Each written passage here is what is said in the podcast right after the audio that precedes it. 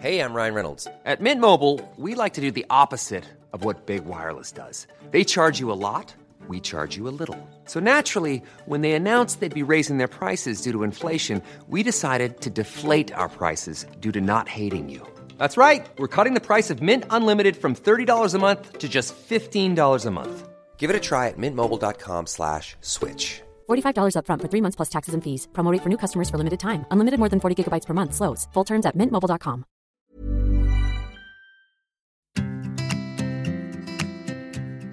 Varmt välkommen till ett nytt avsnitt av Ayurveda-podden. Här pratar vi om vad ayurveda egentligen är för något och hur den här kunskapen kan göra en skillnad för oss alla och vår hälsa.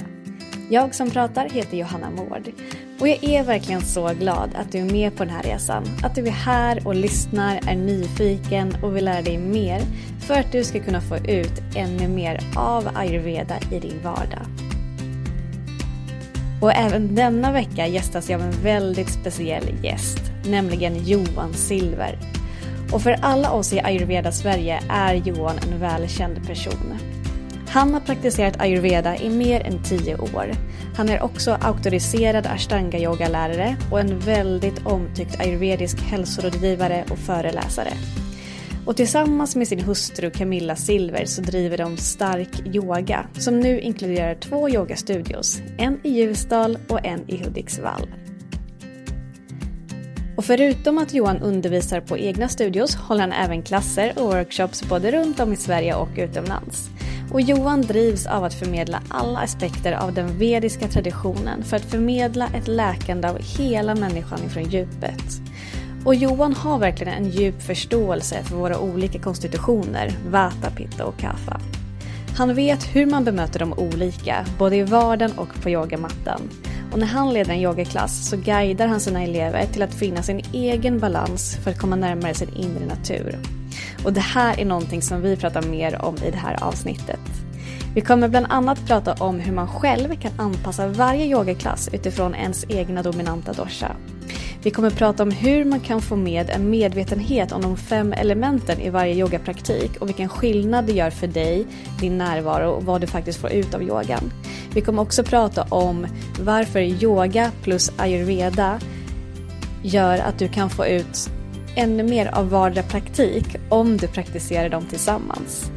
Vi kommer också prata om den andliga aspekten av yoga och ayurveda samt mycket, mycket mer. Det här blev än en gång ett nytt favoritavsnitt för mig och jag hoppas att du kommer finna det lika givande som jag gjorde. Än en gång, varmt välkommen till Ayurveda-podden.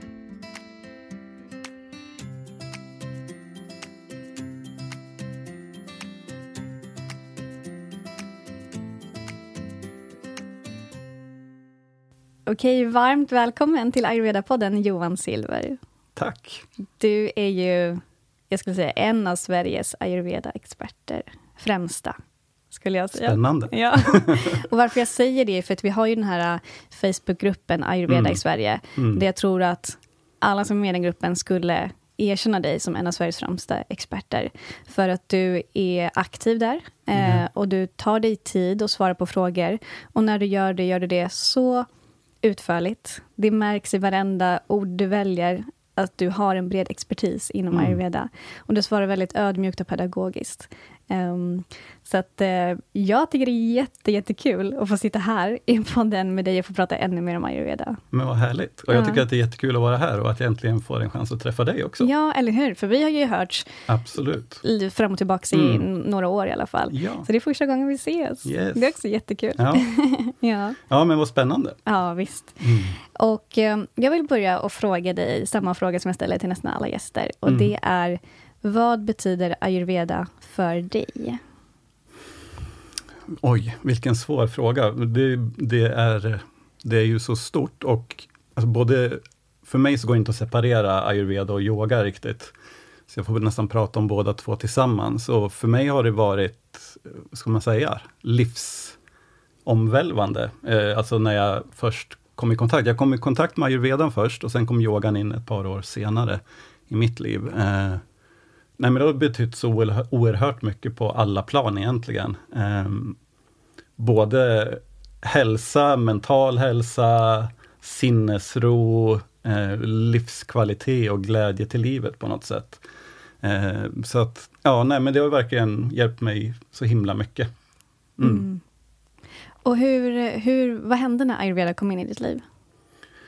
Ja, vad hände? Det är ju så, lång, det är så länge sedan eh, så länge sedan det gjorde det nu, så det, jag kan inte riktigt minnas exakt liksom, hur, hur allting startade på så sätt. Men sammantaget, så det är som jag sa, det har gjort mig så mycket mer balanserad eh, som människa. Jag har blivit mycket mindre, jag har mycket pitta i mig. Eh, jag har blivit mycket mindre arg. jag har fått mycket mindre problem med inflammationer, febersjukdomar och sånt som jag liksom har dragits med hela livet och mycket problem med tarmarna och sådär också.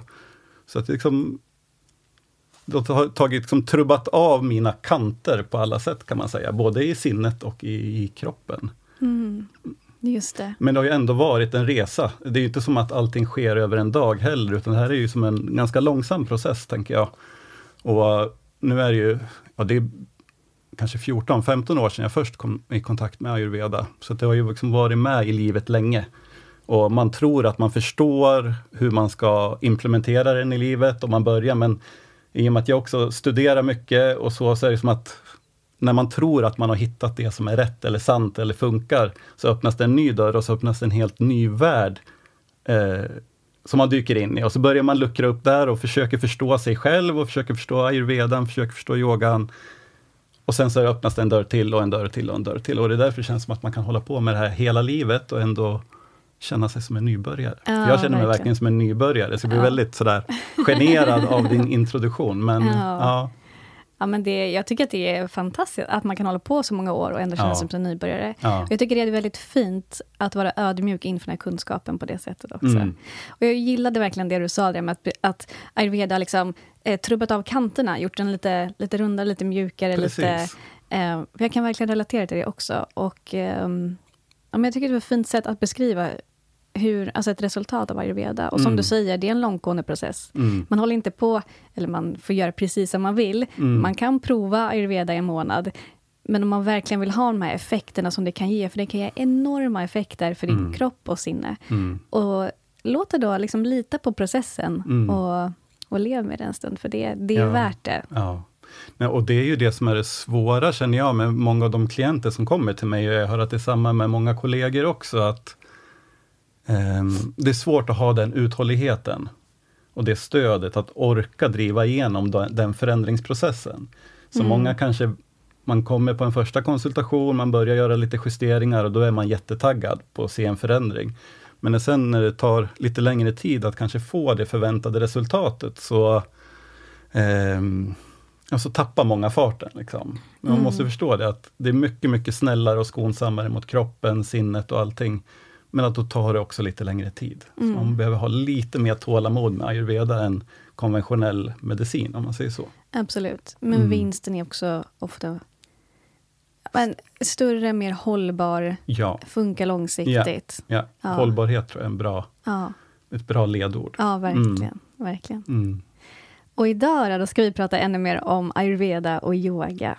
Ja, Ja, och du sa ju där inledningsvis att det är svårt att skilja dem åt, Ja. vilket det är, för de, eh, de ligger ju så nära varandra. Mm. Och det här kan ju du än mycket mer om än Mm. jag. Och man brukar ju säga det att ayurveda och yoga är två eh, jag fick höra det ganska tidigt, att ayurveda och yoga är som två systrar som växte upp bredvid varandra samtidigt. precis. Och jag tycker den metaforen är väldigt fin. Mm. Men hur skulle du beskriva relationen mellan ayurveda och yoga? Hur ser det egentligen ut? Ja, hur ser det egentligen ut?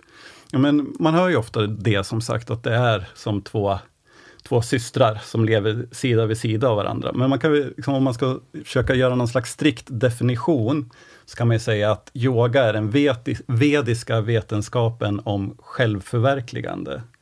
Och ayurveda är den ve- vediska vetenskapen om självläkande. Så vi har det. självförverkligande och självläkande. Så ayurvedan tar hjälp av yogiska tekniker och meditationstekniker för att nå ett välbefinnande eh, och ett långt liv här och nu, kan man säga. Just det. Eh, Och finns det ömsesidigt att yoga tar hjälp av ayurveda på något sätt? Ja, precis. Jo, men absolut, så är det ju. Eh, och hur ska vi säga då? Om vi börjar med ifrån yogans håll, eller ayurvedan tar hjälp av yogan. Eh, så många tänker på asana, så det, idag kanske man tänker nästan att ja, men det, det är lite stretching. Liksom. Mm, ja. det, det, är gymnastik med lite sämre belysning och rökelse. Men eh, asana kan vara så mycket, mycket mer än bara någonting fysiskt. Det kan absolut genomföras som någonting fysiskt.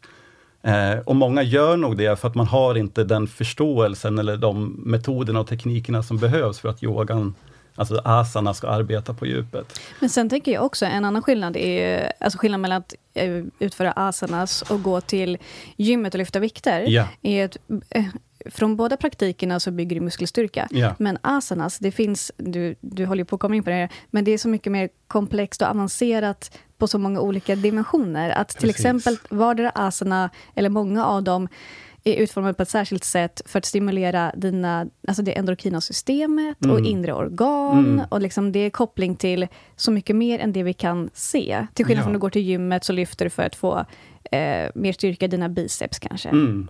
Nej men precis, och det var exakt det jag ville, ville komma till. Liksom, att asana, dels så jobbar vi såklart med rent strukturella felställningar i kroppen. Men vi renar också nervbanorna, vi renar våra nadis, våra olika kanalsystem. Något som man inte som jag tror många inte tänker på, det är att där vi håller våra händer, vi kanske håller en hand eh, på en stortå till exempel i en yogaposition eller ja, någon annanstans. Så, där så aktiverar vi också olika marmapunkter som i sin tur har terapeutiska effekter som påverkar doscherna, olika funktioner i kroppen och så vidare. Så att det är liksom, det är det rent strukturella, men det är också liksom en reningsprocess egentligen på alla lager i kroppen. Och för att vi ska kunna få till den här strukturella förändringen i kroppen, så behöver vi som sagt aktivera musklerna. Men, och musklerna behöver ju liksom sin träning om man säger så. Men musklerna, för att musklerna ska hålla så behöver musklerna prana. Och då behöver vi pranayama för att hålla musklerna. Just det. Och för att pranan ska hållas i kroppen så behöver vi ett stillat sinne. Och för att stilla sinnet så kommer vi behöva meditation. Just det. Så jag hör en del prata om att ja, men jag har yogat i så många år och det, liksom, det känns inte som att det händer något. Och dels är det en lång process och det som ska hända kanske inte syns utifrån. Men det kan faktiskt också vara så att man inte har eh, tagit hand om alla delar. För asana utan de här andra benen hjälper sällan långsiktigt. Det kan ge en, liksom en kortvarig förbättring, men för att få en långsiktig förbättring, då behöver man också ha pranayama, alltså andningsövningar. Man behöver ha meditation för att stilla sinnet. Mm. Det här är så intressant tycker jag. Och nu kommer jag på en fråga som jag funderar på ett tag. Ja. För jag har hört lite olika. Eh, och då när jag vad rekommenderar du, eller vad brukar du säga? Eh, jag sätter mig på min yogamatta. Mm. Ska jag börja med meditation, sen pranayama och asana? Eller asana först och sen pranayama och sist meditation? Så gör jag. Du kör asana först? Ja, Ja. det gör jag. Okej. Eh, och vi kanske kan komma tillbaks till det eh, lite senare, för jag tänkte bara jag skulle försöka svara klart på din fråga om hur ayurveda kopplade till yoga och Mm. Det. yoga till Ja. Mm. ayurveda. Jo, nej så att för att asana ska fungera, vi behöver pranayama, vi behöver meditation, men vi behöver också stöd av rätt kost, rätt eh, livsstil för vår dosha. Eh, vi behöver stöd av ja, olika typer av örter och olika typer av terapier. Så för att asana-terapi ska funka så behövs ett stöd av det ayurvediska systemet. Och det ayurvediska sy- systemet behöver yogan för att också nå till ett läkande liksom ifrån botten eller djupet. Så. så att de behöver varandra hela tiden för att fungera fullt ut. Ja, verkligen. Gud, Mm. Jag bara sitter och typ ler när du säger det här, för jag bara känner att så här, det är två, för, var, alltså för sig så är det två helt fantastiska praktiker. Mm. Och om man kombinerar dem så blir det inte ett plus ett är lika med två, utan det blir ett plus ett är lika med tre. Absolut. Alltså det blir en sån synergi Ja. i liksom Ja. kombinationen av Mm. dem. Ja, fantastiskt. Ja, Ja. Skulle du eh, som yogalärare säga att det är enkelt att känna igen doscherna när du möter dina elever i yogasalen? Ibland. Ibland. Ja, eh, vissa människor är ju jättesvåra att se. Samtidigt så finns det ju liksom de här tydliga urtyperna av urvata, urpitta och urkafa. Och jag hoppas att ingen som lyssnar nu tar illa upp om jag gör lite karikatyrer, för att det är inte alls illa menat, utan det är med största kärlek för alla Ja. doscher. Eh, men eh, en typisk vata är ju, är ju en sån som sladdar in sådär, antingen typ fem minuter innan klassen börjar, eller till och med kanske fem minuter efter klassen har börjat, med yogamattan lite sådär halvt fladdrande under armen och slänger ut den lite snett på golvet till Pitta-lärarens stora förtret, eh, att det inte är raka led längre Just i salen. ja. Ja. Eh, och man ser ju också ofta att vata, vata-personer är jättetaggade på att komma igång och man liksom kör igång Eh, med stor entusiasm. Men att under yogapasset, oavsett, jag kommer ju från ashtanga yoga-traditionen och det har vi, där har vi dels ledda klasser, men det vanligaste är att man har Mysore-klasser, var och en eh, startar och slutar och man följer liksom sin egen sekvens av rörelser. Och man märker att många Vata-personer har mycket entusiasm och driv från början och man kommer in med energi i yogasalen, men sen börjar man tappa fokus. Det kan Just vara det. att man glömmer bort ordningen på yogapositionerna eller bara att man börjar tänka på någonting. Och så ser man hur sinnet börjar vandra och han eller hon kanske börjar kolla runt i yogasalen och blir nyfiken. Men vad gör hon där borta? Vad gör han där? Ja. Och så. Ja, man Och- kanske blir lite uttråkad och man kanske tappar lite energi också. Man kommer in med mycket energi, sen Exakt. så är man inte lika uthållig Nej. som andra om man har Precis. mycket vata. Exakt. Ja. Nej, men så. Och lika sen eh, på våra klasser så avslutar vi alltid med shavasana eller vila, man ligger en stund i vila och då ser man ju också ofta de här personerna ligger med ögonen öppna och blinkar och man ser hur liksom hjärnan bara snurrar och snurrar och snurrar. Så det kan man väl kanske säga är en typisk eh, vata. Och är det så att man då avslutar i egen takt så kanske man bara ligger i vila i fem minuter, rullar ihop mattan och sen springer man iväg på nästa roliga aktivitet. Liksom. Så. Medans pitta-personer upplever jag som att de kommer oftast i tid till klassen jämfört med vata då. Och antingen sitter man lite sådär militäriskt i padmasana med väldigt rak rygg och sträcker ut armarna sådär. Eller så håller man på att göra massa förberedande övningar för att man ska prestera så bra som möjligt. Så man kanske håller på att stretcha lite extra och värmer upp lite extra för att man ska prestera på max när klassen börjar. Eh, de här pitta-personerna har ju ofta också ett väldigt driv och man kan ofta se som små svettpölar kring yogamattorna. Och jag har också varit med om flera gånger att det har liksom till och med stigit upp rök ifrån deras kroppar.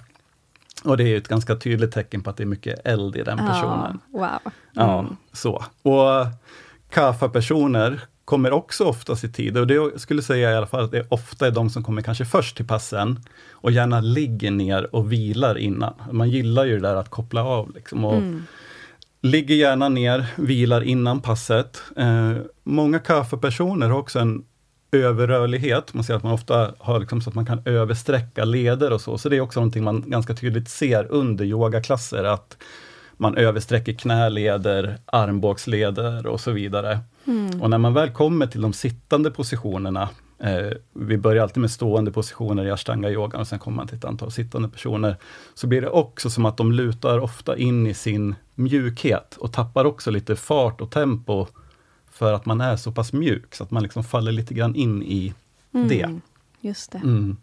Sen är det ju såklart alla möjliga graderingar däremellan, men om man ska prata om några urtyper så kanske man skulle Ja. kunna uttrycka dem på det Ja, men sättet. absolut. Jag tror Ja. att man kan känna igen sig eh, antingen mycket i någon eller lite Mm. i två stycken. Mm. Och det är ju så, man är ju, vi har ju alla, alla fem elementen inom oss. Absolut. Eh, och även om man har, du och dina tre bästa vänner kanske är pitta-dominanta, så kommer ni ändå vara helt unika. Ja. För vi har alla ett helt unikt Ja. uttryck av de här doscherna. Ja men verkligen. Och också att det är en process. När jag började med yoga så, som jag sa i inledningen också, så jag har mycket pitta i mig och jag gick ju in med väldigt mycket prestation och svettades enormt mycket när jag började yoga. Och det var verkligen så, jag var tvungen att ta en handduk och torka upp runt yogamattan så där efteråt. Och jag är, också, jag är en av dem som det rykte om, kan jag säga. Ja.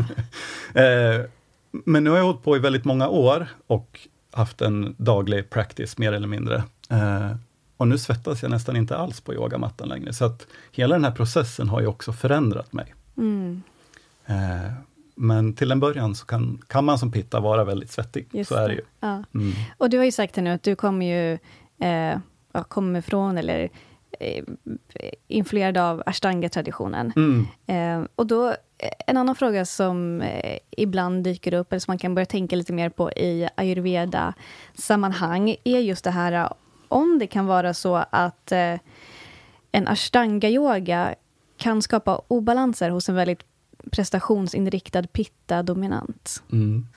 Och för att svara på den frågan tänker jag Mm. också att du kan, om det är någon som lyssnar som inte riktigt har koll på vad menas med ashtanga, bara förklara varför ställer jag den här frågan då? Precis. Åh. Ja, då, då blir det ju ett gigantiskt ämne på en gång. Men vi Ja. försöker, vi försöker nys, nysta ut det Ja, lite grann. så- Alltså, ashtanga yoga kan egentligen vara två, man kan mena två olika saker med ashtanga yoga. Ashtanga yoga är ju egentligen, det är ju eh, Patanjali som skrev Patanjali Yoga Sutras. Han myntade ju egentligen ashtanga yogan som ju betyder egentligen åtta grenars yoga med, med yama, niyama, asana, pranayama, pratyahara, dharana, dhyana och samadhi. Och det är ju också ashtanga yoga. Men det, det vi menar nu med ashtanga yoga, det kommer ju ifrån Patanjalis tradition, men det är ju alltså ashtanga yoga i Patabi Joys tradition ifrån Mysore i södra Indien. Eh, och den var inte så från början, eh, men har blivit så att den har blivit ganska strikt med åren kan man säga, och där man följer en specifik sekvens av rörelser hela tiden och det där delas upp i ett antal olika serier och man fortskrider efter de här serierna kan man säga. Och den är ganska intensiv och dynamisk. Det är ett vinyasa-system säger vi, så att andning och rörelse hänger hela tiden ihop. Man stannar ganska kort stund i varje yogaposition, så det är ett, ett ständigt flöde, ständigt i en ganska intensiv andning. Eh, när jag började kallades för ujjayi-andning, nu säger man inte ujjayi längre, utan nu pratar många om att det är ljudande andning, men det är egentligen samma, det betyder samma sak. Så det är en intensiv andning, ganska intensivt flöde av rörelser, eh, som skapar mycket hetta, så är det ju. Eh, och Och så- det är alltid till sk- skilt från vinyasa så är ashtanga en specifik sekvens alltid. Ja, det så? ja Mm. det kan man säga. Eh, och det skulle vi egentligen också kunna debattera om eh, med, med andra ashtangis, för min lärare är ju Manju Patabi Jois, som är son till Patabi Jois, som han hänvisar alltid till sin guru, men som ändå grundar den moderna ashtanga-yogan kan man säga. Och när Manjo började så var det mycket mer fritt och man kunde välja rörelser och sekvenser lite friare. Så jag kommer lite mer ifrån den friare, öppnare skolan, där det är lite mer lekfullt, det är okej att plocka lite positioner från andra serien om man behöver och sådär. Men om man säger den liksom stora ashtanga-traditionen bygger på en mer strikt hållen sekvens. Just det. Just Ja. det. Så eh, då har vi lite bakgrund om Yes. ashtanga. Eh, och då den här frågan, liksom, om det är så att just ashtanga-yogan eh, skulle kunna liksom, skapa obalans för en eh, prestationsinriktad pitta-person. Ja, jo, och det, det har man ju faktiskt sett väldigt mycket av genom åren. Jag skulle egentligen säga att ashtangan både kan skapa vata-obalanser och pitta-obalanser. Det beror ju helt, liksom, det beror helt på sinnelag och inställning till practicen. Och utgår man hela tiden från ett yttre perspektiv, alltså formen på en yogaposition, att jag vill att positionen ska se ut så här och jag vill utföra det här och jag vill kunna göra de här eh, efterföljande positionerna. Så man liksom går ifrån ett yttre perspektiv, då kommer man alltid Just det, på en... hur det ska se ut, inom Exakt. situationstecken. Exakt. Mm. Eh, så kommer man alltid ha ett, vad vi säger inom ayurvedan, ett rajastiskt perspektiv. Och jag tror att ni har pratat om det i podden Mm. tidigare också med de tre gunas. Yes. Ja, så att eh, utgår vi från den yttre formen så kommer vi alltid vara utåtriktade. Rajas är utåtgående spiral av energi. Och i och med att vi har den inriktningen så kommer vi alltid liksom driva oss själv eh, för hårt framåt. Och det kan både skapa vata-obalanser, men mycket pitta-obalanser ser man ju i ashtanga-yogan. Och det skapar ju en prestationskultur som leder till kanske mer skador och mer problem egentligen. Eh, vilket är jättesorgligt tycker jag, för att huvudsyftet med asana, det är att sprida prana i kroppen. Och om vi skadar kroppen så blir det ju ärrvävnader och de ärrvävnaderna kommer ju alltid hindra flödet av prana i någon mån. Så att genom att pressa oss för hårt och skada oss själv så kommer vi snarare, ska man säga, minska möjligheten till flöde av prana än att öka den. Så jag brukar alltid prata om att varje, vi har ju mass, en mängd olika yogapositioner, men varje yogaposition är som ett tomt kärl. Och det här kärlet kan vi fylla med olika saker, beroende på vad vi har för intention. Vi kan fylla det med en obalans och pitta, vata eller kapha. Eller vi kan välja att fylla den med prana och sattva. Eh, och det är förstås det sista som man kanske strävar efter, att ha ett sattviskt, fredligt, fridfullt sinnelag, att utgå ifrån att vara närvarande, fylla den här positionen med så mycket livsenergi som det bara är möjligt. Och sen om man når stortån eller får hålla en hand på knä istället, det spelar ju mindre roll. Utan hur är flödet av prana nu och hur mår jag inuti när jag gör det? Exakt, så det är, alltså det är, ja, det jag kommer säga nu är så självklart, men jag säger det ändå. Mm. Istället för att liksom tänka på hur det ska se ut och ha den här rajastiska eh, inställningen till det, så att mer gå inifrån. Liksom. Ja. Hur, hur mår jag i den här positionen och vad, vad behöver jag nu för att jag ska kunna, men, som du säger, få liksom mer prana i det här istället mm. för att jag ska...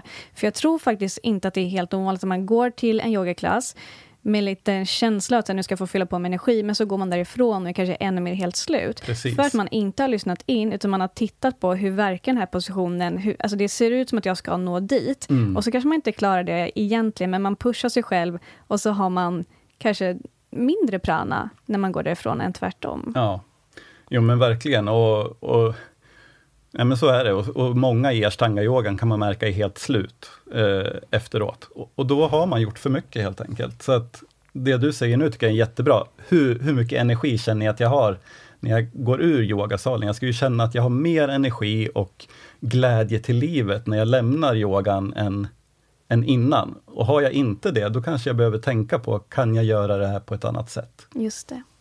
Så om vi tar ashtanga-yogan då. Mm. Um, vi kan ta en dosha i taget. Om man kommer dit, uh, vi kan börja med, vi kan börja med, vi börjar med vata. Yes.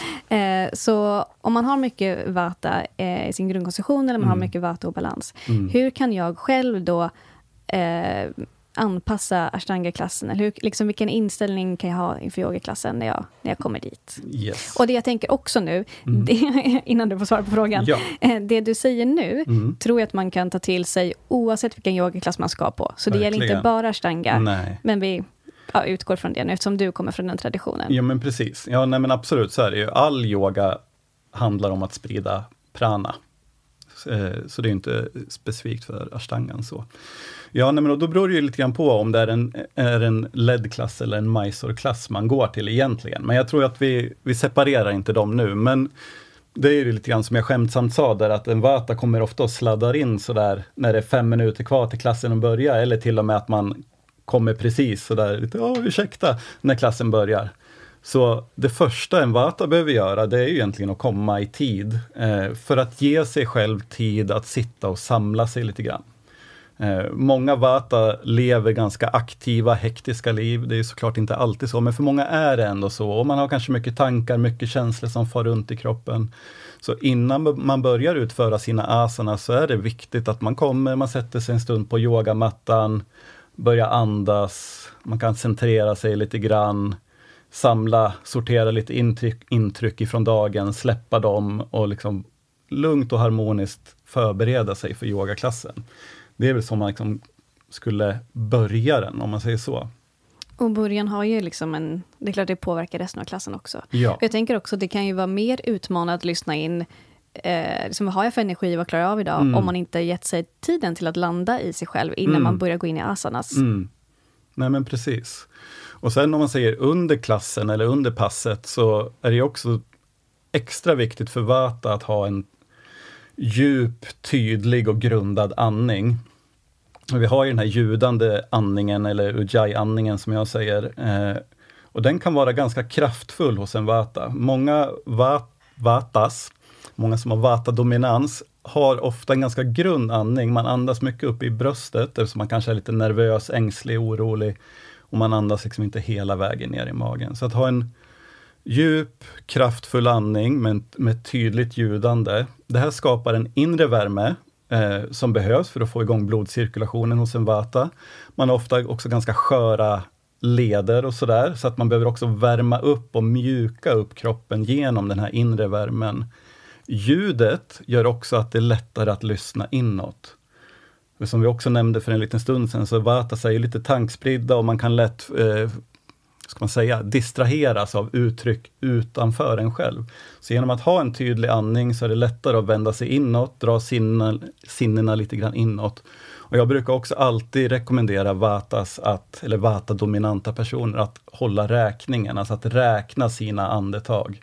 Och om man hållit på med ashtanga-yoga ganska länge så kanske man också kan räkna själva vinyasa-räkningen i positionen. Vi räknar på sanskrit genom varje position. Så att man kan både göra den räkningen, man kan räkna sina andetag, man lyssnar till andningen. Sen har vi någonting som vi kallar för drishtis, olika blickpunkter i varje asana.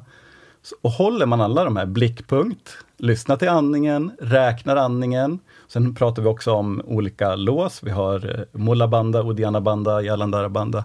Så försöker vi att fokusera på allt det här, så finns det inte så mycket utrymme för tankarna. Exakt, jag hör det. Allt det där är ju liksom att så självcentrera, självcentrera. Ja. Och då precis, då finns det ju inte, även om vi har förmåga att liksom ha många bollar i luften och liksom så vi har inte oändlig kapacitet till Nej. att fokusera på ja, 400 saker samtidigt. Så om vi fokuserar på det, mm. då, då blir det ju där fokuset hamnar. Ja men precis, mm. och gör vi då samtidigt massa krångliga rörelser där vi ska stå på ett ben eller vad det nu är och lyfta upp och hoppa igenom och allt det här.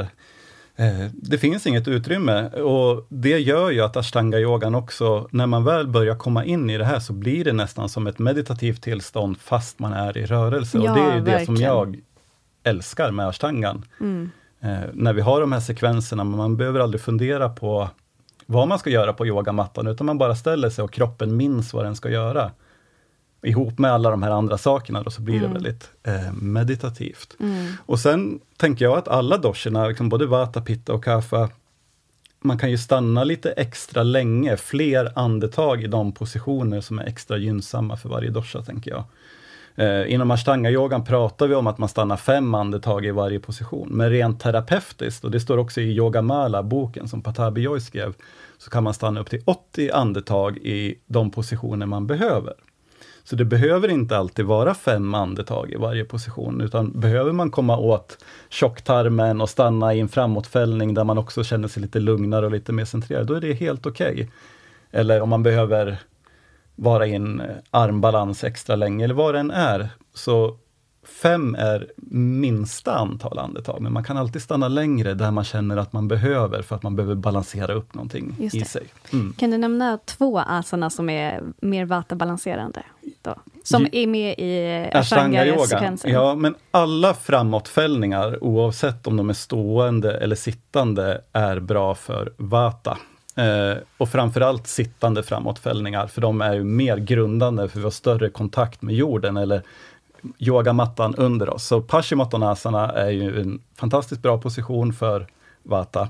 Och det är bara sittande framåtfällning? Ja, det är bara ja. en sittande framåtfällning, precis. Och sen Padmasana, att sitta i lotus. Eh, och de här mudras, olika eh, grejerna som vi gör med händerna helt enkelt. De heter lite olika saker i olika system. Vi kallar den för shinmudra. Eh, och den, jag vet att den heter andra saker i andra yogasystem, alltså där tumme och pekfinger möter varandra. Så att bara sitta i shinmudra padmasana är en väldigt centrerande och balanserande och grundande position. Så jag skulle mm. säga de två om jag måste välja två. Mm. Mm. Eh, och pitta då? Ja, jag ska bara, ja. bara en, li, en litet kort slut där på Vata. Precis som att de behöver samla sig innan passet, så behöver man också ge lite extra tid till vilan. Eh, så också att, att man inte bara rusar direkt iväg till nästa aktivitet, utan man ger sig själv en stund att släppa taget och försöka att verkligen komma ner i varv och liksom landa innan man lämnar yogasalen och går vidare. Just det, och det är shavasanan. Det är shavasana, precis. På slutet. Mm. Mm. Bra, jag känner redan nu att jag vet eh, än mer hur jag ska anpassa och justera min yogapraktik nästa gång. Ja. Vad fint. Mm. Mm. Då är jag nyfiken på pitta. Ja, pitta. Eh, de kommer ju i regel i tid som sagt och jag känner själv, eh, jag skämtade lite grann också om att Pittas ofta sitter och gör massa förberedande positioner. Det här gör man ju, som jag ser det, det är högst personligt perspektiv, men jag ser ju det som att man gör det för att kunna prestera. Så strunta i det. Kom gärna i tid, sitt och liksom samla dig och försök släpp taget om känslor och liksom gå in i kravlöst känslotillstånd innan man börjar. Att det här handlar inte om prestation utan nu ska jag bara ha det skönt på mattan. Liksom. Så hellre sitt och fokusera på att släppa kraven än att hålla på och göra massa extra uppvärmningar innan, tänker jag. Eh, och om man går till andningen, där Vata skulle ha en ganska tydlig och kraftfull andning för att både öka värmen och liksom fokusera inåt, så tänker jag lite grann tvärtom nästan med Pitta. Pitta ska inte ha en särskilt kraftig Ujjayi-andning. Alltså ett litet ljudande i svalgen vill man ju ha, men det ska inte alls vara, inte lika långa andetag och inte lika kraftigt ljudande, för det blir ju ändå om man liksom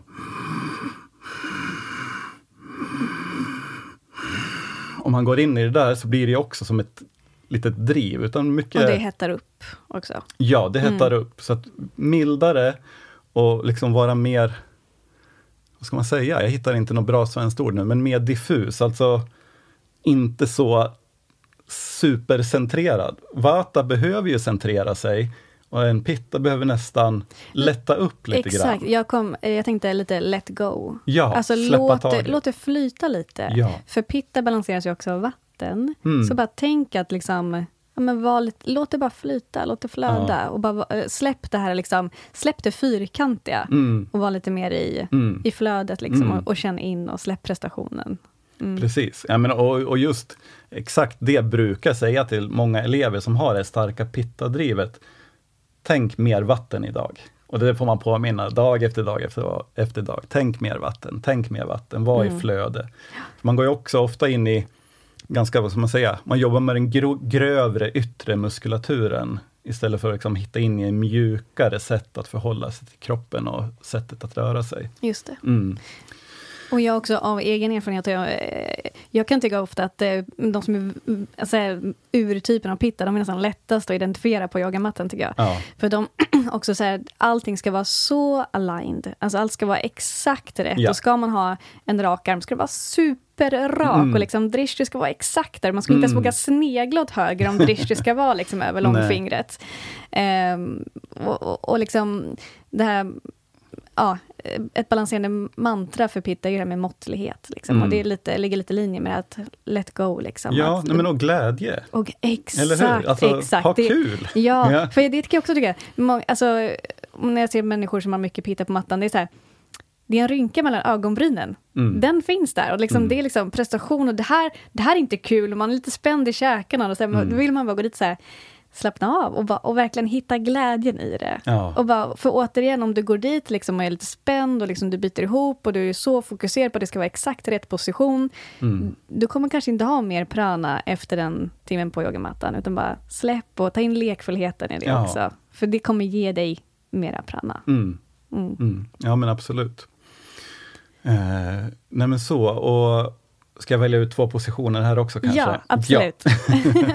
Ja. eh, ja, men bra pitta-balanserade positioner, det är egentligen där man kommer åt tunntarmen och där man kommer åt lever och mjälte. Eh, så liksom, framåtfällningar i lotus eller halvlotus, vi har i ashtanga-yogan har vi Ardha Bada Padma Paschimottanasana som är en sittande framåtfällning med ena foten i lotus. Och där kommer man väldigt bra åt att eh, massera både levern och man kommer också åt, vi har massa marmapunkter som sitter, nu pekar jag på mig själv, eh, men längs den nedre revbenskammen här så har vi flera marmapunkter som är kopplade till levern som är alla pittasänkande att eh, stimulera.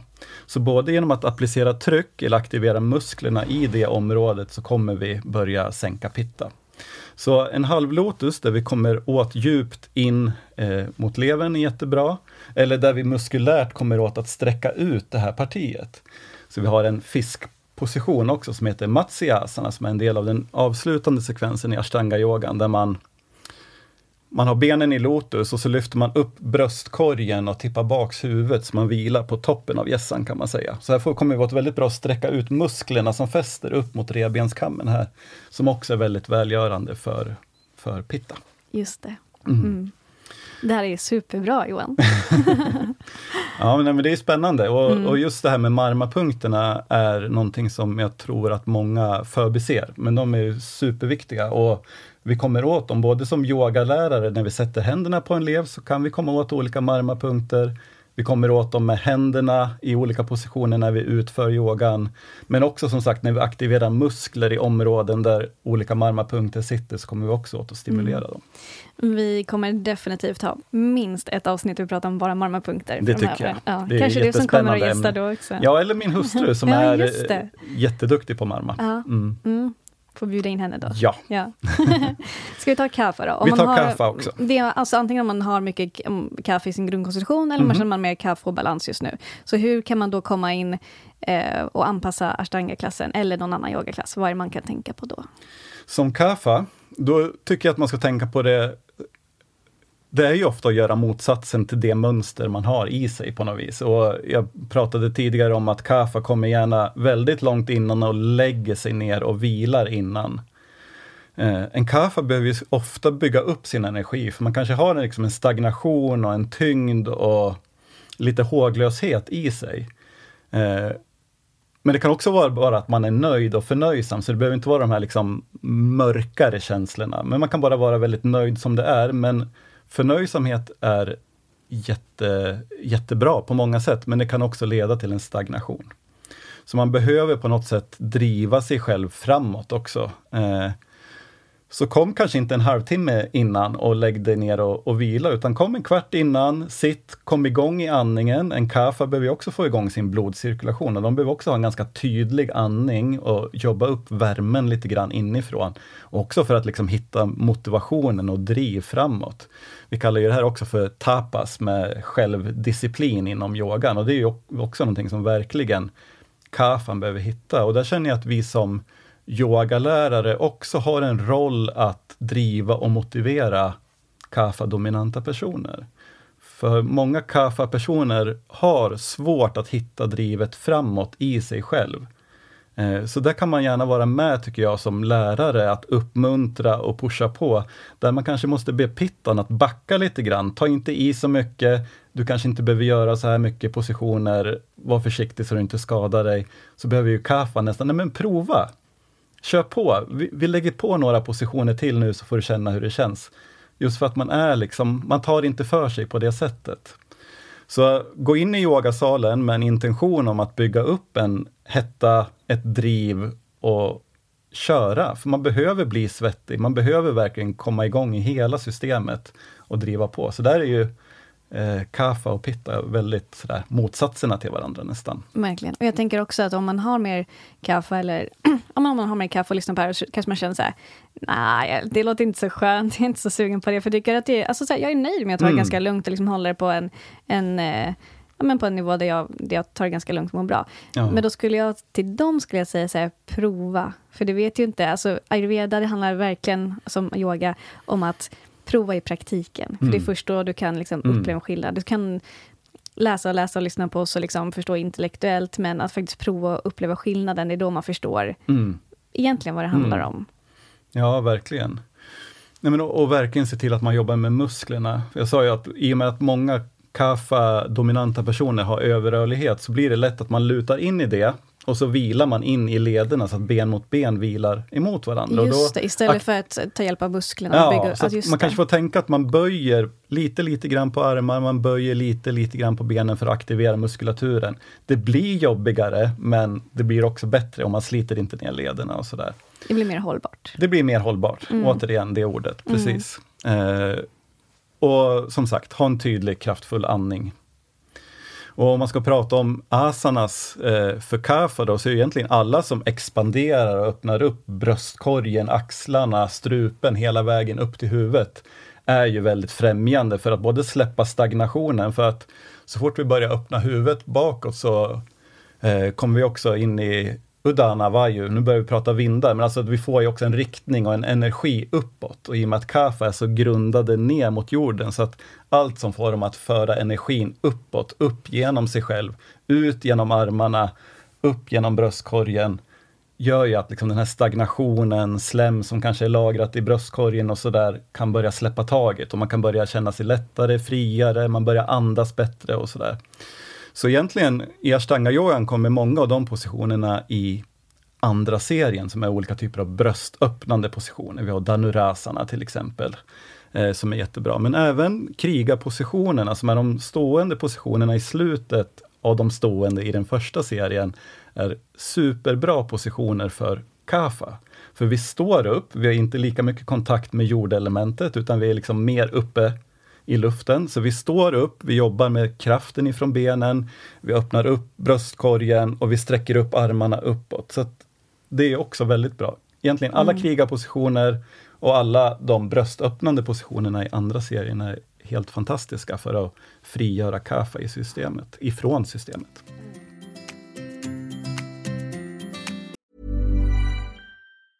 Hej, jag Ryan Reynolds. Recently, I asked Mint Mobiles legal team if big wireless companies are allowed to raise prices due to inflation. They said yes. And then when I asked if raising prices technically violates those onerous two-year contracts, they said, what the f*** are you talking about, you insane Hollywood ass?" So to recap, we're cutting the price of Mint Unlimited from $30 a month to just $15 a month. Give it a try at mintmobile.com slash switch. $45 up front for three months plus taxes and fees. Promoting for new customers for limited time. Unlimited more than 40 gigabytes per month. Slows. Full terms at mintmobile.com. There's never been a faster or easier way to start your weight loss journey than with plush care. PlushCare accepts most insurance plans and gives you online access to board-certified physicians who can prescribe FDA-approved weight loss medications like Wigovi and Zepbound for those who qualify. Take charge of your health and speak with a board-certified physician about a weight loss plan that's right for you. Get started today at plushcare.com slash weight loss. That's plushcare.com slash weight loss. plushcare.com slash weight loss.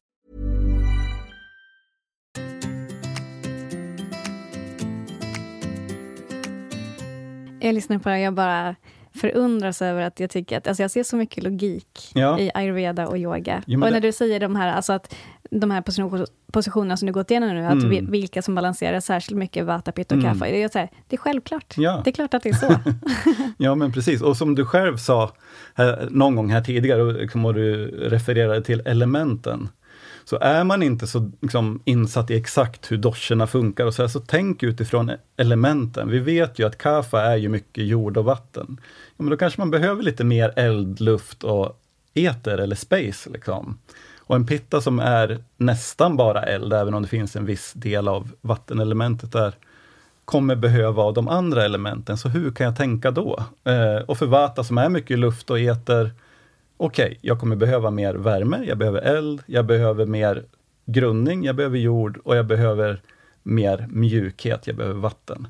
Så att man kan ju väldigt mycket tänka också så mm. utifrån elementen och Exakt. tänka motsatserna hela tiden. Exakt. Mm. Mm.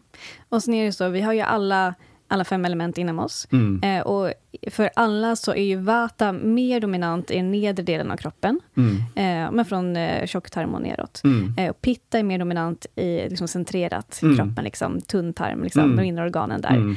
Mm. Eh, och Kapha är mer dominant från lungorna uppåt. Yes. Så det också makes a lot of sense när du säger liksom vilka positioner som är mer balanserande för vardera dosha. Ja, nej men precis. Men något som jag glömde säga, nu är jag ju själv i, i min eh, vata-fladdrighet, så glömde jag bort att många vata-personer, i och med att man är Många är ängsliga och oroliga och man kanske också är lite sådär att, ja men, jag är inte värd något. Det är lite, många bär på ganska mycket skuld och skam och liksom man förminskar sig själv på ett sätt som man inte alls behöver göra. Men det här gör att man naturligt drar ihop eh, bröstryggen lite grann, man roterar in axlarna och man släpper ner huvudet lite grann så här. Eh, så även för Vata så kan milda bröstöppnande positioner, alltså där vi kan börja släppa spänningarna i axlarna, börja släppa spänningarna i bröstryggen, så är det också väldigt välgörande för, eh, för Vata. Just det. Mm. Mm, det kan jag också se. Mm. mm. Jo, nej, men, och, och, vi kanske kan gå in på det också lite grann, elementens placering i kroppen. Eh, för nu blir det här en lång historia igen, men eh, precis som du sa Johanna, så sitter ju Vata sitter ju i tjocktarmen. Eh, och det här speglas of också ofta i de problem vi kan uppleva längs ryggraden och det känner vi ofta när vi utför yogan, att det kanske sitter fast eller gör ont någonstans och sådär. Så Vata-obalanser gör ju ofta ett uttryck i nedre delen av ländryggen, kring korsbenet, SI-lederna, bäckenområdet och sådär. Var sitter SI-lederna? SI-lederna, det är ju, ja, nu försöker jag visa här också. Höftled, typ? Ja, men precis, baksida Typ här. bäckene? Ja, Ja. precis, på, Okej. på båda sidorna där. Mm. Eh, så det är ju de områden som en vata-obalans skapar eh, både värk i, men det kan ju också bli då koter som låser sig, förskjutningar i koter och så vidare som sker i det området. Pitta som är i tunntarmen och nedre delen av magsäcken eh, orsakar ju då problem med kanske inflammationer och värk i mitten av ländryggen, alltså mitt bakom naveln kan man säga. Och Kafa då, som sitter framförallt i bröstkorgen, men även hela vägen upp till bihålorna egentligen, skapar ju ofta en försvagning i bröstryggen. Eh, men i och med att vi också har elementen, som jag skulle komma till, så kan det vara precis tvärtom. För elementets placering i kroppen följer ju en liten annan väg och då har vi ju jordelementet, det är ju från fötterna upp till knäna ungefär kan man säga. Och sen har vi vattenelementet, går ifrån knäna upp till och med bäckenområdet. Eh, och sen har vi eld, och eld är ju precis där Pitta sitter också, så det är ju navelområdet, vägen upp till hjärtat ungefär, eller strax nedanför hjärtat. Och sen kommer ju luftelementet ifrån hjärtat upp till mitten av huvudet och sen kommer eter eller rymd från ja, eh, övre halvan av skallen helt enkelt. Ja, det här är ju... Nu hoppade ju, nu bytte ju elementen liksom plats, eller vad man ska säga. exakt. Så hur, det här har jag faktiskt inte hört förut, så nu får du berätta för mig alla som lyssnar. Hur- Nu, precis, nu vill vi ju, Ja. från den här lilla förvirringen som kan uppstå, så får vi skapa klarhet i det här då. Ja men precis, så att det innebär ju, och det är där vi kommer in på det här som jag sa om vata och axlarna. I och med att vata består av luft och eter, så kan ju även vata-problem göra sitt uttryck genom elementen luft och eter. Vilket innebär att många vatas får eh, problem med låsningar i bröstryggen, man får värk eller skador i axlarna och man får problem med nacken, för det är där Ja, men det luft känner jag igen, att det är ganska typiskt för vata-obalans. Ja, men också problem i bäckenet, särskilt om man har problem med övervikt, kan ju då vara kafa-relaterat, för att det är vattenelementets område. Men eh, vad det gäller pitta så är ju både pitta och eldelementet centrerat i mitten, så där blir det liksom ingen skillnad. Men just eh, kafa och vata kan, kan, man, kan man ibland behöva tänka tvärtom. Ja, och jag, en annan som jag kommer på nu när du säger det där, eh, kan vara ganska typisk kaffe och balans i att man får väldigt svullna ben. Ja, och Svullna det är ju jordelementet då, som drar. Det är sant, det är sant. Men samtidigt så kaffe generellt är mer dominant från lungorna uppåt, Ja. men jordelementet kan vi få försvullnader i, i benen. Ja, då. och sen att vi har vatten då i låren, bäckenet också. Mm. Eh, precis. Intressant. Ja. Okej, jag blev förvirrad lite grann till en början, men nu kan jag se logiken. Får se om alla andra hänger med på det också. Jag hoppas det, Ja, annars jag får jag det. förtydliga. Ja, eller hur? Annars får man höra av sig och ställa frågor. Det är alltid kul. Verkligen. Ja.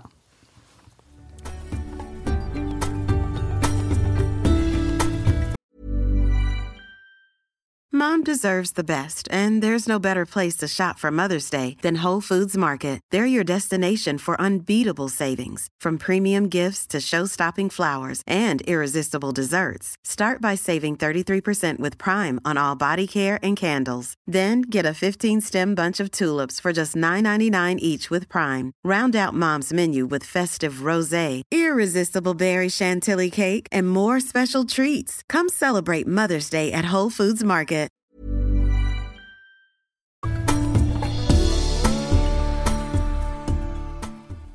Men då undrar jag Johan, om du själv brukar ha med dig en medvetenhet om de fem elementen just när du Mm. utövar din praktik på yogamattan? Ja, jag, när man hållit på och yogat under många år och man ställer sig på mattan varje dag, så behöver man ibland kanske också hitta olika sätt att utforska sig själv och utforska kroppen. Så jag brukar hitta lite olika saker. Ibland så försöker jag tänka på de här fem olika vindarna som vi har i kroppen och det får kanske också bli ett eget avsnitt så småningom. Eh, eller till exempel de fem elementen. Det kan vara, jag försöker hitta olika teman, olika sätt att utforska min kropp och mitt sinne för att fortsätta hitta liksom nyfikenheten och glädjen och utforska lustan på mattan när man ändå står och gör samma sekvens varje dag, år ut och år in så att säga.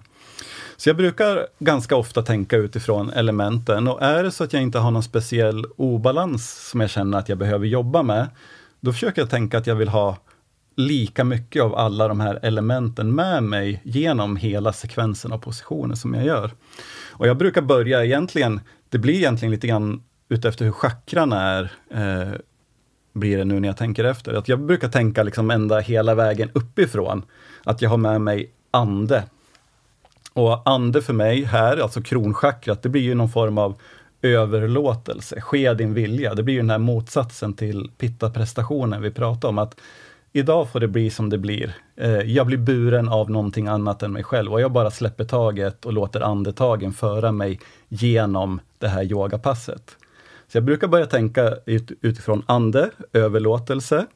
Och vilket element kopplar du det till då? Inget. Det, det är bortom elementen. Okej, så nu, vi så börjar jag, bortom elementen. Ja, jag tjuvstartar lite ovanför elementen. Så mm. nu är vi liksom bortom den fysiska manifestationen, om man säger så. Mm. Och sen kommer jag ner till sinnet. Och då tänker jag på att vara närvarande i nuet, ett andetag i taget. Inte ett andetag fram, inte ett andetag bak, utan bara vara närvarande i varje andetag hela tiden.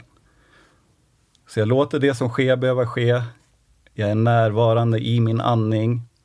Och sen, nu kommer vi till elementen då. Och sen kommer vi börja tänka utifrån eter, eller rymd som vi också kan säga. Och det är just det, att, att ha space, att skapa utrymme och förutsättningar för kroppen att röra sig. För andningen att bli fri och öppen, att jag verkligen sträcker ut armarna, att jag verkligen förlänger ryggraden så att jag kan andas. För att det är ju ändå det här som vi pratar om, att sprida pranan som är det viktiga med asana. Så se till att ha utrymme. Och sen kommer vi till luft, att det ska finnas rörelse, såklart andning, men också en lätthet och en glädje i det jag gör på yogamattan. Den här luften hjälper också till att skapa en inre hetta som gör att vi naturligt kommer över till eldelementet. På samma sätt som jag behöver ha lätthet och glädje så behöver jag också ha ett driv framåt och där kommer ju elden in. Elden är också en omvälvande effekt som hjälper till att rensa ut kroppen, eh, detoxifiera kroppen, men det skapar också liksom ett driv framåt, också den här tapas som vi pratade om. Så jag behöver ju också ha det drivet lika mycket som jag behöver utrymme och lätthet. Och sen kommer vi till vatten och vatten ser jag här som en dels som en sammanbindande kraft. Vatten är också kopplat till kärlek. Och kärlek kopplar jag, nu blir det lite sådär eh, mycket hopp för er som lyssnar, men kärlek kopplar jag också till ahimsa, som ju är en del av yogafilosofin som bygger på, ahimsa be betyder icke-våld. Jag brukar översätta det till kärlek. Så alltså att jag gör de här positionerna med kärlek till mig själv. Vattnet binder ihop, skapar ett flöde, en böljande och en mjukhet i de här sekvenserna som jag utför och jorden, att jag grundar mig, att jag har en stabilitet, en struktur. De kroppsdelar som har kontakt med yogamattan, att de verkligen får skjuta ner, grunda, trycka ifrån. Och att det finns liksom en strävan att lyfta sig själv och liksom stå i sin egen kraft. Att man inte behöver liksom luta sig in i något eller kollapsa eller falla ihop, utan att det finns den här stadigheten och stadgan. Så att ha liksom en jämn fördelning, att vi både har med ande, sinne, eter, luft, eld, vatten och jord med lika stora delar. Det, det skapar en väldigt fin balans. Mm. Och Sen är det lätt att man tappar det där när man har hållit på ett tag, men då får man kanske bara, just det, det var det här jag skulle göra. Och så mm. går man tillbaks, just ja, närvaro, flöde, ja, så. Jag blir nästan lite rörd när jag hör dig mm. berätta det för jag tycker att det är så, det låter helt magiskt. Mm. Och eh, vad jag också känner är att det är lite synd att vi inte bor i samma stad, för jag hade gått på dina yogaklasser hela tiden. Ja, vad spännande. Ja, ja verkligen. Alltså, mm. ja. En sån yogalärare som dig hade jag velat ha lite närmare. vi kanske får komma ner och hälsa på. Vi ja, har ju, ja, vi har ju både barn och barnbarn här nere ja, i Stockholm, så att vi är exakt. nere ganska ofta. Mm. Wow, vad fint. Mm. Mm, jag kan verkligen relatera till det också, bara se hur alltså det här som du berättade nu, Mm. det är ju lätt att förstå på en gång. Och det kan, Mm. jag ju, det kan vi ju alla praktisera imorgon, om vi vill. Ja, det här är ingenting som man behöver gå en kurs i för Nej. att förstå, utan det räcker med att lyssna på dig här nu i fem Mm. minuter. Och sen kan vi alla, bara med hjälp av vår medvetenhet, ta med oss alla fem element varje gång vi går på mattan. Mm, Mm, absolut. verkligen. Ja. Så prova gärna, ni som lyssnar på det här. Har ni inte gjort det tidigare, så tänk, tänk på det här lek och utforska. Mm. Verkligen. Jag ska hem och ha med det här mycket mer i min yogapraktik.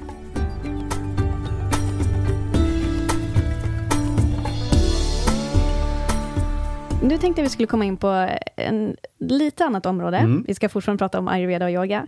Men eh, jag undrar, för att jag får frågan ibland, och det är om yoga och ayurveda är andligt. Mm. Undrar vad du har för take på det. Mm. Och nu ska jag än en gång ut, eh, eh, breda ut den här frågan lite mer. För när det kommer till just ordet andligt, så undrar jag också vad det betyder för dig. För att Mm. andligt kan jag själv koppla ibland till just andligt religiöst. Ja. Medan det finns andra som tänker andligt mer spirituellt. Mhm. Och många skiljer på religiöst och spirituellt. Mm. Det här är en av de frågor som jag kanske eh, brinner mest för. Ja, det är Eh, och, så. Ja, nej, men, och, och det är kanske lätt att jag drar iväg, så då får du eh, hålla tillbaks mig om jag, om jag tappar tråden. Ehm, är yoga och ayurveda andligt? Det behöver inte vara det. Eh, men traditionellt, eller historiskt sett, så har det nästan alltid haft en andlig koppling. Eh, men det finns vissa yogaströmningar som har varit ateistiska även i Indien, så att säga. Men generellt så tror jag ändå att man behöver säga att, att det finns en andlig aspekt med. så. Eh, och det är inte detsamma som religiös, för det är definitivt inte kopplat till någon speciell religion. Eh, utan det är ju ett filosofiskt system och pratar man med en indier så säger man att det är en vetenskap. Eh, så att det är definitivt inte dogmatiskt eller kopplat till någon speciell tro som hinduism eller så, det är det inte. Men det finns ju en, en andlig komponent och jag var lite inne på det tidigare här, det här med överlåtelse, att låta sig själv bli buren av någonting högre, det är ju liksom en av metoderna eller en av de bitar vi kan arbeta med i yoga och ayurveda. Så att det är definitivt andligt på ett sätt. Men man kan också tillgodogöra sig det här på ett helt fantastiskt sätt utan att man har någon speciell tro. Man behöver inte ha någon tro på någonting större eller Gud eller någonting sånt och ändå kan tillgodogöra sig väldigt mycket av det ayurvedan och yogan har att ge. Men ifrån mitt eh, personliga perspektiv så blir det inte fullständigt om man inte även tar med själen och liksom någon slags större ande eller andlighet i det. Just det. För andligt för, för dig, Mm. eh, som sagt inte religiöst, utan Nej. mer ande som din, faktiskt ande mer som din själ. Ja, Eh, ja nej, men det kan man väl säga. Och det finns faktiskt en ayurvedisk definition av vad andlighet är. Eh, och andlighet har egentligen två ben enligt ayurvedan. Det, är- dels är det hängivenhet till det gudomliga. Det är det ena benet och det andra benet är självförverkligande. Eh, och det, jag tycker egentligen att det låter bättre på engelska, self-inquiry. Alltså att ställa sig själv frågorna, vem är jag, vart kommer jag ifrån, vart är jag på väg? Så gör man det, om man tror på någonting större än den lilla människan, så är man per ayurvedisk definition andlig, som jag har lärt mig det. Just det. Eh, Och så. de där tre frågorna är också en del av dina charya, som liksom är en del av den här um, självreflektionen, direkt Mm. när du vaknar. Mm. Att bara ställa dig själv frågan, men lite vem är jag, var Ja. är jag på väg? Mm. Ja. Jo, nej, men precis. Och liksom, vi pratar ju också om, om självläkande och självläkande, eller läkande och glädje, kommer ju egentligen inifrån oss. Vi söker den ofta utifrån, vi söker ständigt liksom, kärlek, bekräftelse och att någonting utanför oss själva ska rädda oss eller bekräfta oss eller fylla oss med någonting. Men allt det där kan vi ju egentligen fylla inifrån, tänker jag.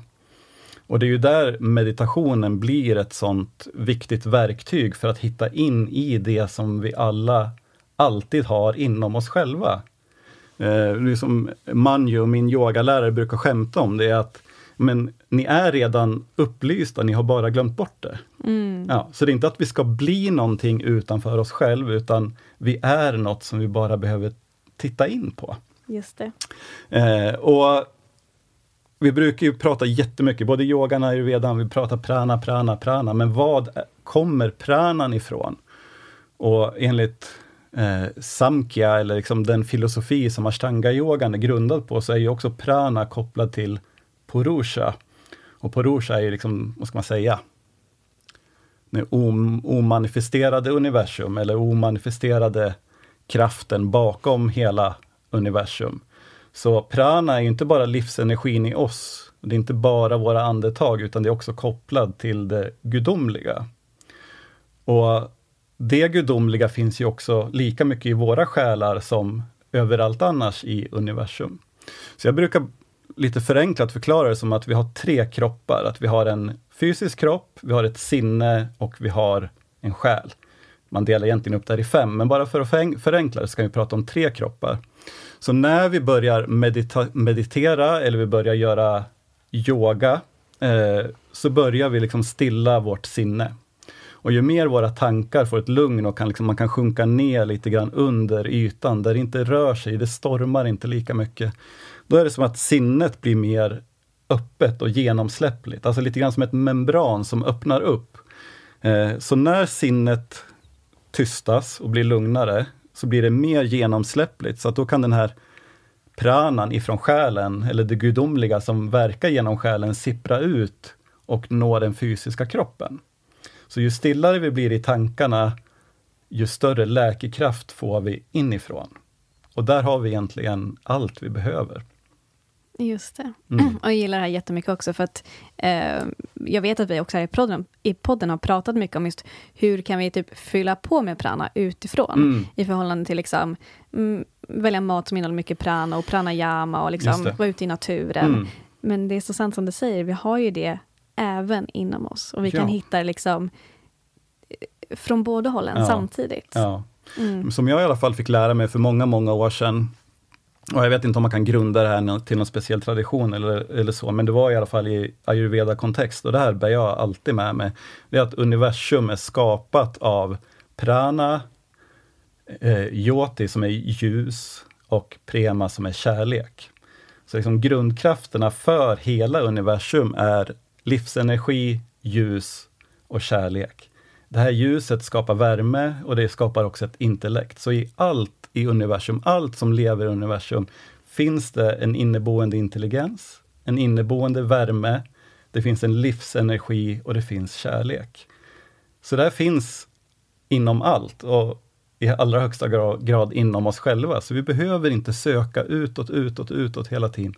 Utan bara, hmm, ta ett djupt andetag, hitta närvaron inuti och hitta den här kontakten, för allting finns redan där. Exakt. Och där kan jag säga, min personliga erfarenhet, att ayurveda och yoga, det är det som har hjälpt mig att hitta min kontakt. Mm. Och jag har jättelångt kvar på min resa också, men jag har mm. kommit liksom, alltså ayurveda och yoga har verkligen hjälpt mig att komma närmare mig mm. själv.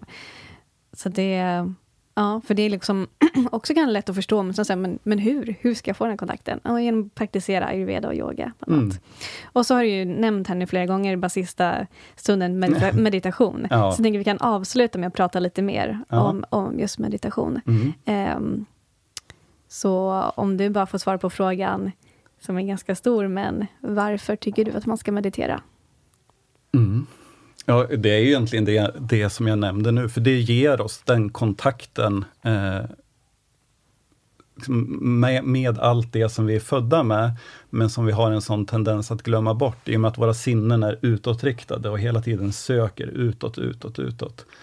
Eh, så när vi mediterar så får, så får vi helt enkelt den kontakten, och den kontakten ger både liksom, sinnesro, eh, men det ger också en stark läkande kraft inifrån det skapar en känsla av samhörighet med hela universum, eller åtminstone gjort det för mig, att jag förstår att jag är inte en ensam liten prick eh, någonstans ute i ett mörkt universum, utan hela universum finns i mig. Och lika mycket i dig såklart, och i alla andra här. Vi, vi är alla ett. Det är i alla fall eh, min starka övertygelse. Mm. Och det är väl ett skäl om något att meditera. Mm, visst, visst. Det fick mig att tänka på när jag var på en, ett yoga-retreat uppe i Himalaya. Mm. Eh, så fanns det på en, en typ av poster där med ett citat som kanske är lite klyschigt, jag vet inte, men det var väldigt tilltalande för mig då, det har fastnat hos mig. Ja. Eh, som löd If you can't see God in all, you can't see God at all. Just det. Och jag tycker att det är väldigt fint. Ja. Just, det, det påminner mig om det du sa precis nu, att vi, vi är alla ett. Ja. Och universum finns i mig lika Ja. mycket som i allt annat. Mm. Nej men verkligen, och man brukar också säga att, att eh, andligheten är tvådelad. Dels så handlar det om, eh, nu hittar jag inte ordet, men eh, devotion. Eh, Hängivenhet. he- ja, precis. Det, dels så handlar andlighet om hängivenhet, men det handlar också om, nu kommer det till engelskt ord, charity, välgörenhet. Alltså att andlighet kan inte bara vara en överlåtelse till Gud, utan vi behöver också bry oss om alla andra människor. Och Ta- oss själva. Och oss själva, naturligtvis. Men om vi tar bort det, så blir det bara andlighet en personlig fantasi, utan den behöver ju vara integrerad, så att säga. Mm. Så det är lika viktigt att vi ser det gudomliga, precis som du sa nu, i alla andra. Eh, och ja, det spelar ingen roll om man har någon tro, eller om man tror på en annan gud, eller tror något helt annat än vad du gör. Alla människor, att se det ljusa i alla människor, oavsett vad, man, vad de är inne på för vägar. Mm. Mm, Det är värdefullt. det är värdefullt. Mm. Det är det.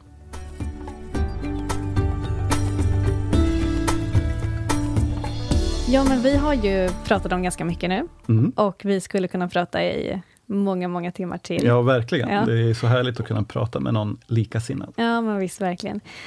Och, men jag tänker ändå att vi börjar avrunda det här, det Ja. här samtalet just nu. Och eh, jag skulle vilja göra det med att eh, vi tillsammans lite sammanfattar det vi pratade om, för att det har Mm. varit så mycket. Mm. Jag tänker vi började med att prata om att eh, ayurveda och yoga är likt två systrar, men där yoga är mer självförverkligande, eller hur? Mm. Och ayurveda mer för självläkning. Läkande. Mm. Exakt. Eh, och eh, båda praktikerna för sig fantastiska, men om vi kombinerar dem så blir det en fantastisk synergi där vi kan få ut ännu mer av, Mm. av vardera praktik. Ja, absolut. Och så pratade vi om det här med ehm, hur man kan eh, känna igen de olika doshorna i yogasalen. Eh, och hur man framförallt, det som kanske är mest värdefullt att ta med sig från det, är ju hur man själv kan anpassa yogapraktiken efter hur man mår här och nu. Mm. Och då är det också så, oavsett din grundkonstitution, Mm. så kan du ju olika dagar, olika årstider komma in i yogasalen och känna, idag har jag mer pitta än vad jag brukar ha, eller mer kaffe eller mer vata. Så återigen det här att, liksom att, att känna in Mm. och inte tänka så mycket på hur specifikt ska den här yogapositionen eller yogasekvensen se ut, utan mer liksom gå in för ett mål med yoga är att fylla på med prana. Mm. Och det kan vi bara göra om vi först känner in och känner vad, vad är det faktiskt jag behöver här? Precis. Mm. Och där skulle jag nästan också vilja sätta ett, ett lärarperspektiv på. Eh, det ska jag också kunna prata vidare om, men bara till er som är yogalärare där ute, att, att börja bli medveten om doschernas balanser och obalanser i eleverna och hur man utifrån det kanske kan hjälpa dem på olika sätt från dag till dag. Mm. Den tror jag är väldigt, väldigt värdefull. Mm. Dels som yogalärare, att besitta den kompetensen för att kunna, men för att kunna guida sina elever än mer. För återigen, ayurveda plus yoga, det blir ännu bättre. Ja. Vad kom vi in på sen då? Ja, vad pratade vi om sen? Jag kommer faktiskt inte ihåg ordningen riktigt, jag heller. Vi har pratat om så mycket spännande. Ja, men verkligen. Ehm, men vi pratade lite om de fem elementen. Det gjorde vi, precis. Och hur Mm. man kan applicera dem på yogamattan. Vi pratade Mm. lite grann om hur doscherna påverkar ryggraden kontra hur elementen påverkar kroppen. Som inte alltid följer samma logiska följd. Men som blev, vi fann lite logik i det sen Ja, jag ändå. hoppas det alla Exakt. Ja. Och så pratade vi om eh, ja, men det här med andlighet Mm. nu på slutet, och så meditation. Alltså det här är, jag känner det ofta när vi släpper ett nytt avsnitt, att det blir ett nytt favoritavsnitt, men det här Ja. är ett nytt favoritavsnitt också. Jag tycker Ja. det har varit fantastiskt att ha dig här Johan Tack. och få sitta och prata med dig. Och jag vet ju att du har verkligen en enorm kunskap och Mm. jag hoppas att det blir fler avsnitt framöver. Det hoppas jag också. Det har varit jätteroligt att få besöka Ayurveda-podden Ja. och jag hoppas att det blir fler gånger. Och för de som lyssnar då, och om man känner att man vill ha mer kontakt med dig, var hittar man dig någonstans då? Ja, eh, vi har två yogastudios idag. Eh, en i Ljusdal uppe i Hälsingland och en i Hudiksvall som ligger också ute vid kusten i Hälsingland. Eh, vi har också en del både yoga-retreats i Sverige och utomlands eh, och blir också lite inbjudna som gästlärare så man kan hålla lite utkik. Men starkyoga.se eh, är adressen till oss där man kan hitta oss. Och är det så att man vill boka en konsul- konsultation eller komma på en yogaklass eller något så kan man alltid höra av sig där. Vi tar både emot i hemmet och i våra studios när det gäller de ayurvediska konsultationerna. Mm.